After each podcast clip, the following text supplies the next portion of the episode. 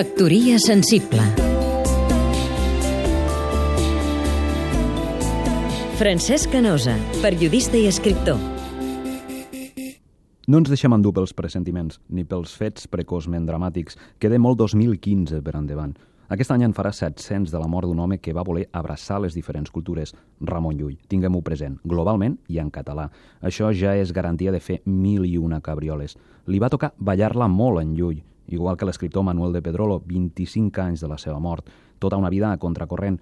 Sempre el recordem en un blanc i negre perpetu, com els seus col·legues Xavier Benguerel, també 25 anys que va dir adeu, o Artur Blader, Lluís Ferran de Pol, 20 anys que ens van deixar tots en constant fora de camp, per l'exili, per un retorn fent saltirons com podien. Sí, també com Ovidi Montlló, enguany 20 anys de la seva mort, ell que va donar voltes i voltes amb la fera ferotge, aquesta dictadura que també va viure el pantagruèlic Néstor Luján, 20 anys que ja no hi és, o Jesús Moncada, 10 anys sense ell.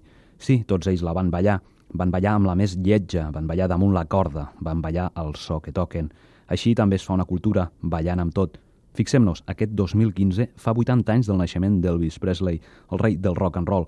Tot el planeta i la galàxia el ballen, perquè a la vida, any darrere any, vas al ball i has de ballar rock, vals, polka o el que toqui. Factoria sensible. Seguim-nos també a catradio.cat